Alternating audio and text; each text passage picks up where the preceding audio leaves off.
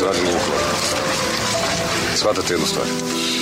Koliko tehnike, ljudstva skoncentrisano na ovako malom prostoru, jezivo.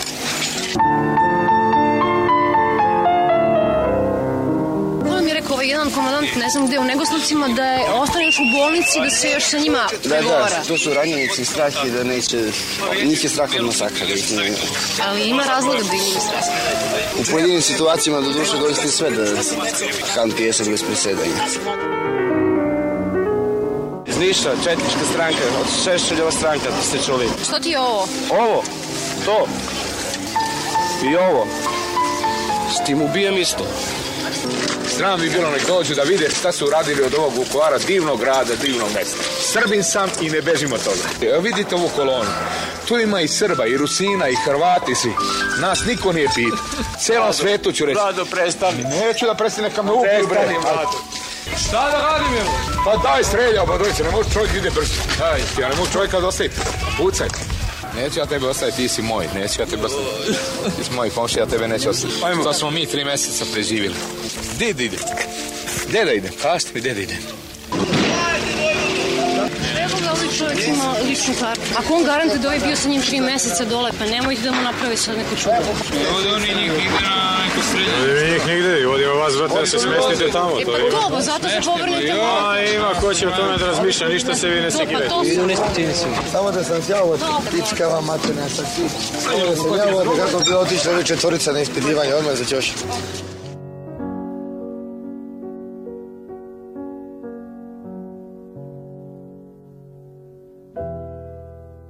Predsednik Srbije i aktualni predsednik Srpske napredne stranke je rekao da ne putuju u Zagreb na kongres evropskih narodnih partija, koji je zakazan za 20. i 21. novembar. U pismu u kojem obrazlaže tu svoju odluku kaže da se vodi haranga u Hrvatskoj protiv njega, da on ne vidi razlog zbog čega bi to bilo, osim što kako je rekao, pojedini krugovi u Hrvatskoj ne mogu da podnesu činjenicu da Srbija ekonomski jača i da više, kako je rekao, politički nije na kolenima. E sad, taj 20. i 21. novembar u Hrvatskoj ima neko drugo značenje, a ne samo Kongres Evropskih, Evropske narodne partije, zbog toga što tih dana zapravo su se desili zločini u Vukovaru i okolini. Tačnije, tog dana, 20. i 21. je streljano skoro 300 ljudi na poljoprivrednom dobru Ovčara. E sad, da, da bismo možda podsjetili samog predsednika koji je zaboravio na to, a i možda neke naše sugrađane, možda one koji su bacali cveće na tenkove kada su se kretali prema Vukovaru. 18. novembra već je praktično Vukovar pao posle tromesečnog varvarskog granatiranja taj stepen um, razaranja grada je zaista bio čudovišan. Uh, već 18. se sklapa sporazum između vojske JNA tadašnje i hrvatskih vlasti da kako će izgledati evakuacija uh, ranjenika, bolesnika i ljudi koji su se zatekli u Vukovarskoj bolnici i to je trebalo da nadgleda između ostalog i Evropska posmatračka misija. Po svedočenju jednog od lekara koji je trebalo da ode u bolnicu, da popiše ko je tu bolestan, ko je tu ranjen i tako dalje. On je svedočio Hagu da je dva puta njega sprečio da uđe u bolnicu Veselin Šljivančanin, major tada Jugoslovenske narodne armije. I kada su uspeli najzad da uđu 20. tamo nikoga nije bilo osim nešto žene i dece. Umeđu vremenu su a, muškarci prebačeni u to je Vele Promet, je tako, fabrika Vele Promet, odatle na Ovčaru, Koliko sam mogla da vidim, tu se negde izgubilo 60 ljudi koji nikad nikad nisu nađeni i ostali su odvedeni na Ovčaru gde je prvo ih vojska čuvala 20. a onda po tim ratnim dnevnicima 80. motorizovane brigade, oni su predati teritorijalnoj odbrani, paravojnim jedinicama pre svega Leva su podarica i da podsjetim samo da je tu paravojnu formaciju formirala Srpska radikalna stranka u Šidu i ti ljudi su streljani i nađeni kasnije u masovnoj grobnici u blizini Ovčare. Možda je ovo prilika uh, upravo zbog ove političke tenzije koja se ponovo stvorila između Srbije i Hrvatske, protestnih nota i tako dalje, da starije podsjetimo, a da mlađi obavestimo, jer nisu imali mnogo prilike da saznaju gde su se vodili procesi za, za zločin na Ovčari. kojem broju žrtava se tu radi i naravno ono što nas uvek zanima više kako je srpsko pravosuđe tretiralo taj a, proces i kako se sve to zajedno završilo.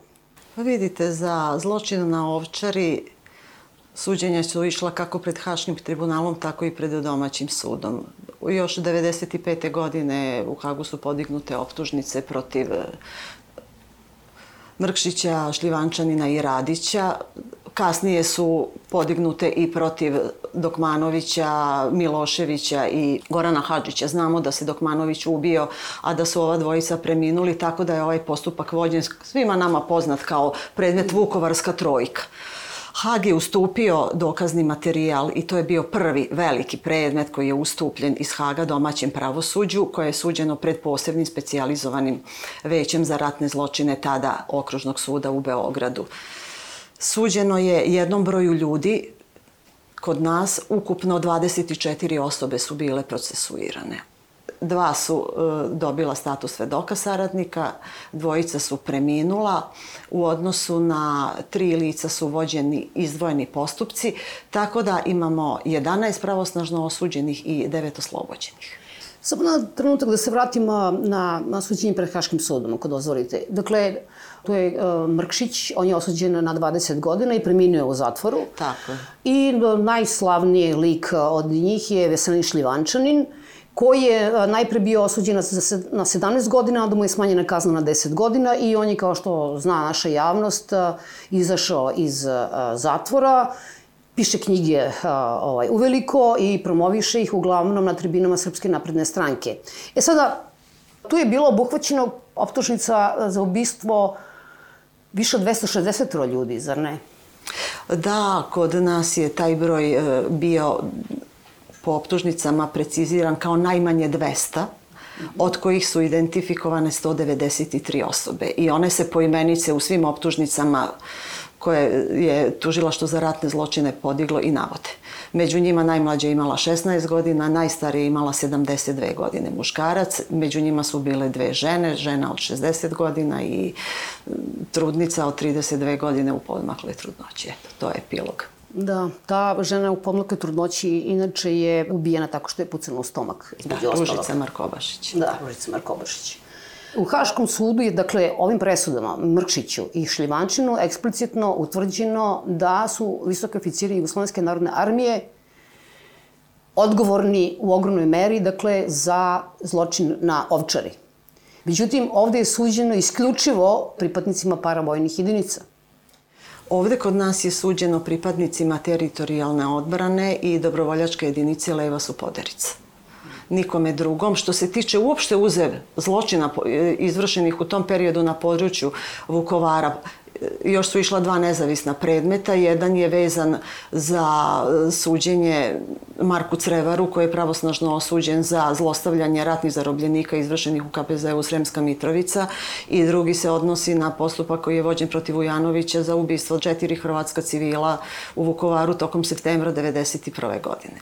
Ni za šta drugo za masovna ubistva civila. Po nekim podacima, nemam zvaničnu potvrdu da je stradalo oko hiljadu i po civila u Vukovaru, među njima preko 80 dece. Niko nije procesuiran ovde pred domaćim pravosuđem. Jeste da iz Haga ustupljen obiman dokazni materijal i da je tokom postupaka kako u Hagu, tako i pred domaćim pravosuđem utvrđeno da postoji odgovornosti drugih oficira. Nikome se do sada nije sudilo, niti imamo saznanje da je bilo šta ovaj, pokrenuto, mada je na pojedince koji bi mogli biti odgovorni u svom žalbenom podnesku ukazao i sam Šljivančanin. On je imenovao ljude zapravo? On je imenovao četiri čoveka, od kojih su dvojica se u postupku ovčara pred domaćim sudom pojavljivala kao svedoci. Oni su povukli obezbeđenje vojska i te ljude isporučili teritorijalnoj odbrani i paravojne jedinici, pre svega Leva su podarica očigledno ovaj, znajući za istorijat eh, i tih paravojnih jedinica, znajući šta će da se, šta može da se dogodi.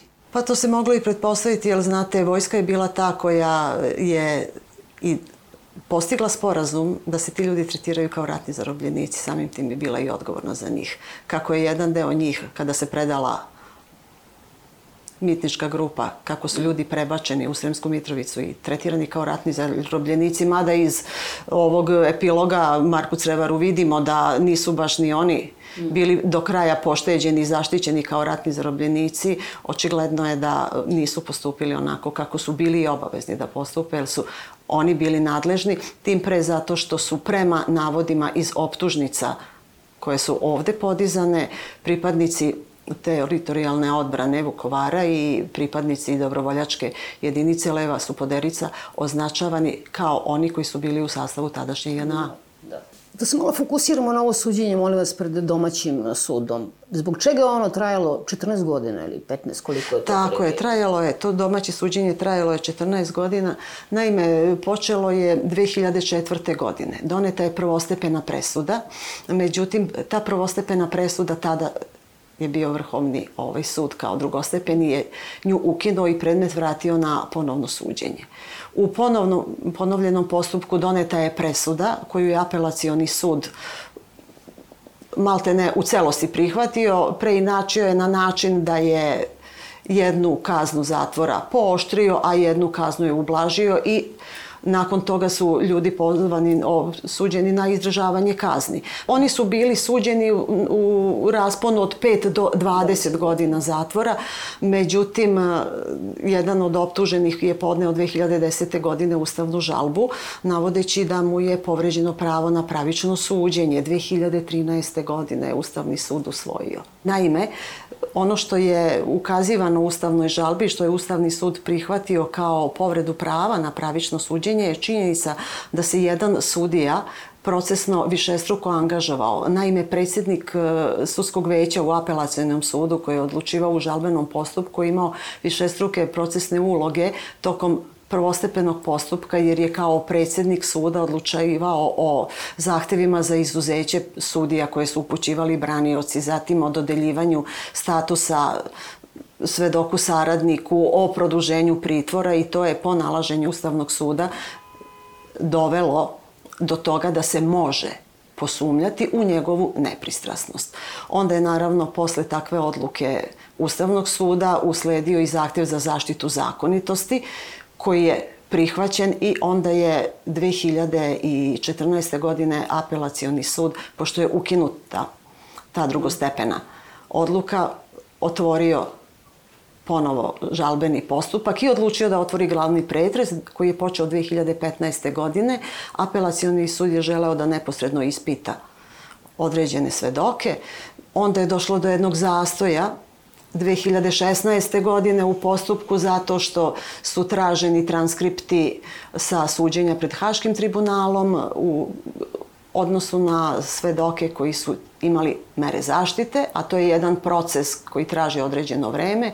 Sledeći zastoj smo imali u situaciji kada su branioci opravdano isticali činjenicu da se pojavljuje zamenik tužioca koji nema ovlašćenja da zastupa, jer u to vreme nismo imali tužioca za ratne zločine. Da, to je ono što smo pričali već nekoliko puta, propust Zagorke Dolovac da imenuje vršioce dužnosti baš tužice za ratne zločine. Tako je.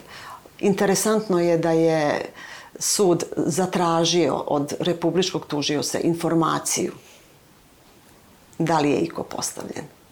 Međutim, od republičkog tužioca sud nije dobio nikakav odgovor, onda je odloženo na neodređeno jednostavno vreme do dobijanja informacije. Umeđu vremenu je postavljeni, to jest izabrani novi tužilac, tako da je i taj problem rešen i onda pred kraj 2017. je apelacioni sud konačno u ponovljenom žalbenom postupku doneo odluku koja je u mnogome odstupila od prethodne. Dakle, 2010. godine je doneta jedna presuda apelacijni sud. Ljudi su osuđivani uh, na 20 godina, 13, 15 i tako dalje.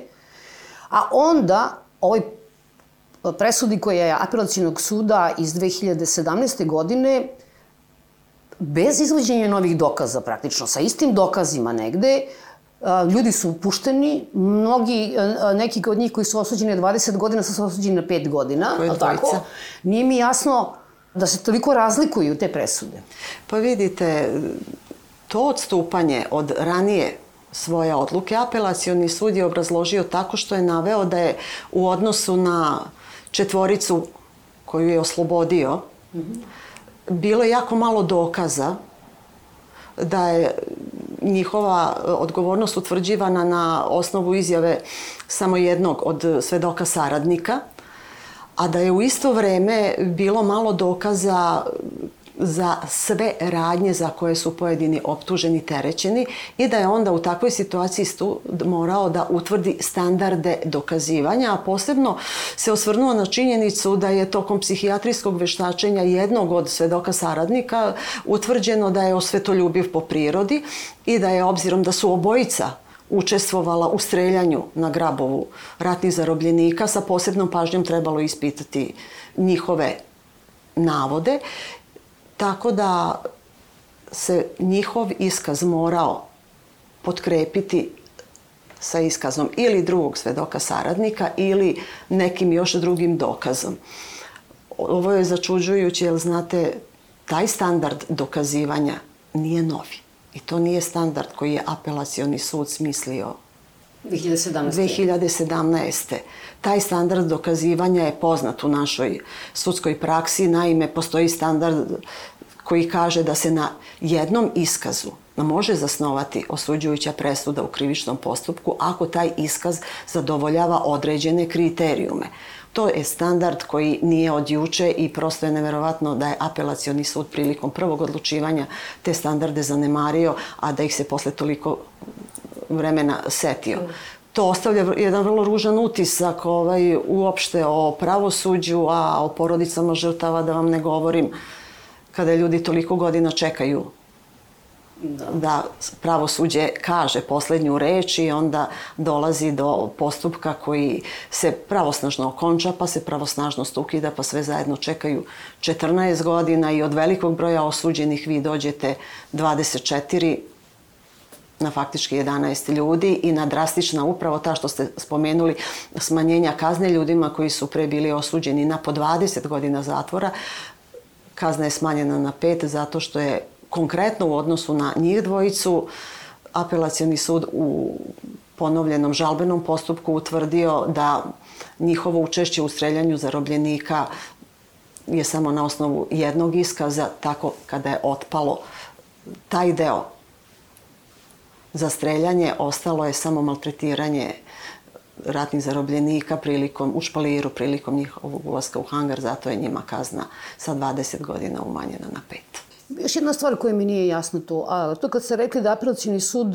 se setio da postoje ti standardi, odnosno konstatovao je da mora da primeni tu praksu zapravo, E sad, ono što mene zbunjuje tu još jedno je, a to je što je sastav apelacijnog suda iz 2017. to su u velikoj meri isti ljudi koji su doneli drugu presudu u 2010. godini. Tu se promenio predsednik veća.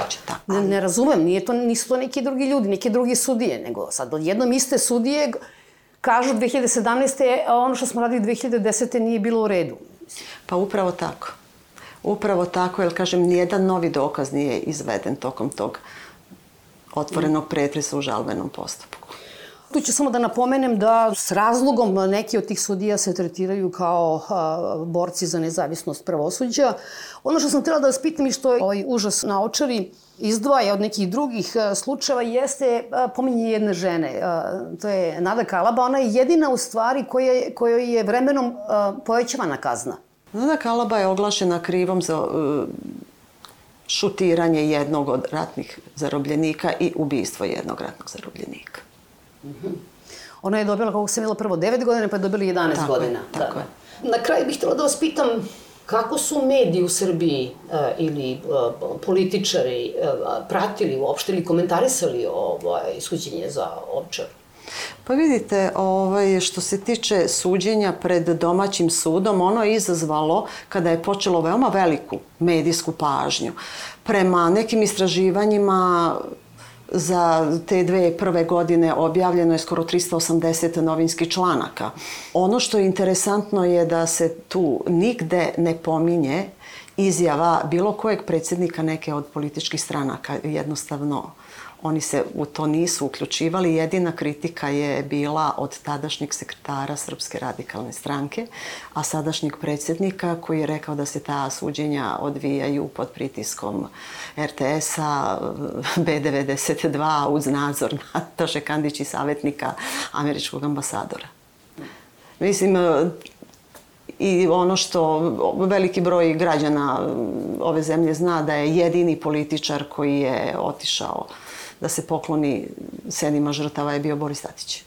Mislim da ova nije situacija loša da se podsjetimo i da je Veselin Šlivančanin koji je na neki način postao, tako da kažem, personifikacija vojske koja je učestvovala u operacijama za osvajanje Vukovara pa i za Ovčaru, je zaista politički aktivan, tako da kažem, i aktivan i kao pisac i jednostavno bilo je mnogo tenzija povodom njegovih promocija koje su se održavale širom Srbije i tu je na kraju krajeva su stradali ljudi iz inicijativa Mladih za ljudska prava koji su razvili taj transparent, ali tako?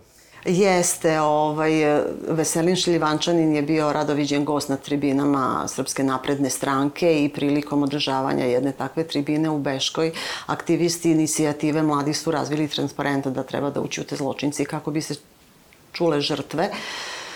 Tu se desilo šta se desilo, ljudi su i fizički napadnuti, međutim, protiv njih je vođen prekršajni postupak, oni su kažnjeni, tako da smo mi dobili vrlo jasnu poruku države kako se provode oni koji probaju bilo šta da kažu protiv ljudi koje jednostavno vlast označi kao vrlo podobne da se pojavljuju na takvim tribinama. Ja se apsolutno slažem sa činjenicom da su ljudi koji su izdržali svoje kazne, ljudi koji su odužili taj dug koji je pravosuđe, da li u Hagu ili ovde njima odredilo, ali s druge strane postoji nešto što se zove ljudska podobnost da se neko negde pojavljuje. Jer na ovaj način mi jednostavno i dan danas toliko godina posle svih ovih dešavanja bežimo od toga i mi ljude koji su osuđeni jednostavno pretvaramo u heroje. Tako da nije čudo što se pojavljuju kad nam sama, ovaj, kad nam Ministarstvo odbrane izdaje u ediciji Ratnik dnevnike osuđenih ratnih zločinaca. I samo na kraju možda jedno pitanje, pošto kako, kako sam čitala vaš, vaš izveštaj i ova svedočenja u Hagu i gledala te snimke zahvaljujući o, mehanizmu koji nam je prosledio i koji ćemo mi emitovati, Stalno se pitam šta je sa tih 60 ljudi koji su nestali od vele prometa do ovčare. Oni se i dalje vode kao nestali. Upravo tako vode se kao nestali. Naime, u postupku koji se vodio povodom zločina u Lovasu, stalno se pojavljivala i pratila postupak majka jednog od nestalih i žena je govorila da su sve pokušali, ali da jednostavno za jedan broj ljudi nikakvog traga šta se sa njima desilo. Porodice nisu uspele da saznaju.